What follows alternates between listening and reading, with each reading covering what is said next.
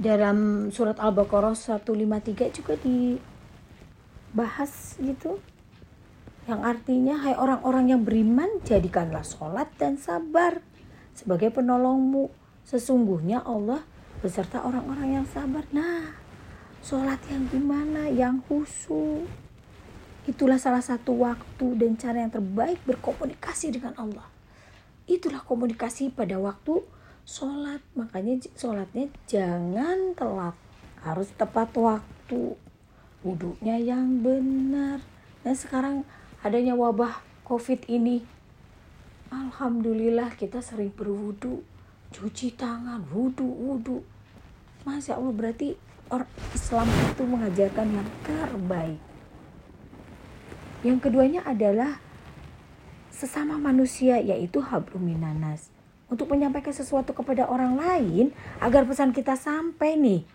Tentu harus disampaikan dengan cara yang mudah, dapat dipahami, mudah diterima. Demikian juga kita dapat memasarkan suatu produk atau menjual suatu produk maka diperlukan cara komunikasi yang baik. Nah, gimana nih cara komunikasi yang baik tuh kayak apa? Berjualan kue dalam kondisi sekarang ini bikinlah e-flyer misalnya. Terus yang mudah dibaca. Itu komunikatif sekarang yang lima optimis. Sikap optimis itu merupakan keyakinan diri dan salah satu sikap baik yang dianjurkan dalam Islam. Dengan sikap optimis seseorang akan bersemangat dalam menjalani kehidupan baik kehidupan di dunia maupun kehidupan di akhirat jadi namanya optimis itu kita harus pede. Pede aja.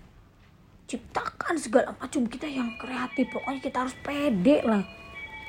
Nih, ibu uh, pemirsa, eh pendengar muslimah yang setia. Ingat nama saya ada Ina. Apa itu? Kalau untuk berusaha, ingat Ina.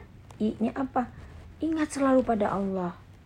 N-nya niat berusaha untuk ibadah. Kalau untuk ibadah itu tidak ada kata menyesal, tidak ada kata berkeluh kesah gitu ya. A-nya apa? Amal. Kita harus beramal. Bagaimana kita beramal sebanyak-banyaknya? Itulah seorang pengusaha. Jadi optimisme itu merupakan sikap yang harus dimiliki oleh setiap manusia, khususnya seorang muslim ini ada yang terakhir itu adalah komitmen ya kan? Apa tadi pada hafal nggak bu?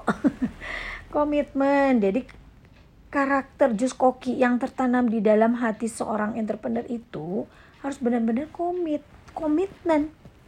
Kalau kita sudah berjanji nih akan melaksanakan hal-hal di atas insya Allah akan menambah kepercayaan dan kredit kreditibilitas kita sebagai seorang entrepreneur muslim.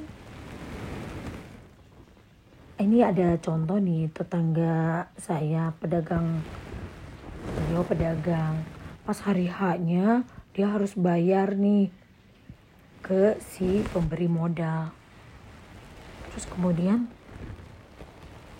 dia komit bilang bu gimana ya? Saya kalau bayar ibu keluarga saya tidak bisa beli beras berarti tidak bisa makan. Terus gimana? Saya tidak bisa menafkahkan anak. Nah tapi kita komit dulu bilang dulu berusaha untuk bayar dulu.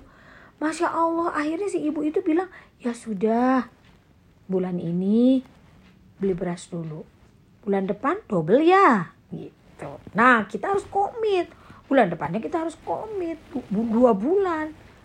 Masya allah setelah itu sekarang dia kalau komit sekarang tetangga saya itu sudah punya beberapa perusahaan.